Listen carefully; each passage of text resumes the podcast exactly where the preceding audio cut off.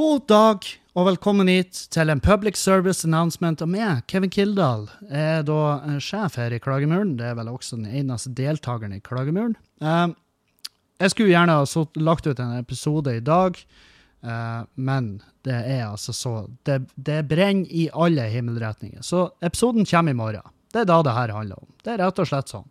Hvorfor kommer ikke episoden før i morgen? Vel, fordi jeg har diaré og jeg spyr av hvor angst jeg har for at jeg skal gjøre standup på engelsk i dag. Engelsk på Skubaret i kveld.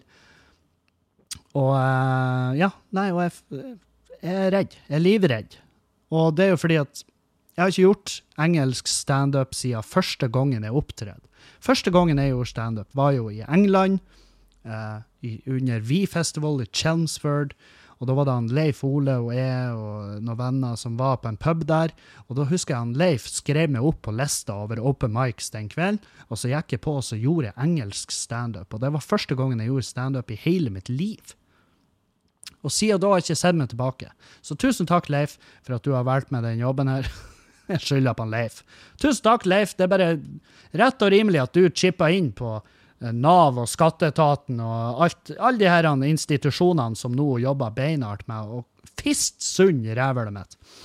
Men episoden kommer i morgen, jeg lover dere, og da får dere jo veldig ferskt i minne akkurat hva jeg har opplevd på scenen dagen før. Så det er vel egentlig til alles beste, tror du ikke da?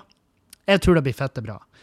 Vi høres i morgen. Tusen takk for følget. Dere vet jeg elsker dere.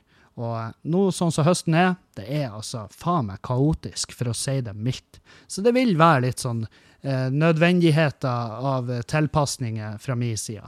Og dere er jo heldigvis veldig kule å finne dere i det, så tusen hjertelig takk. Vi høres igjen ganske asap. Adjø.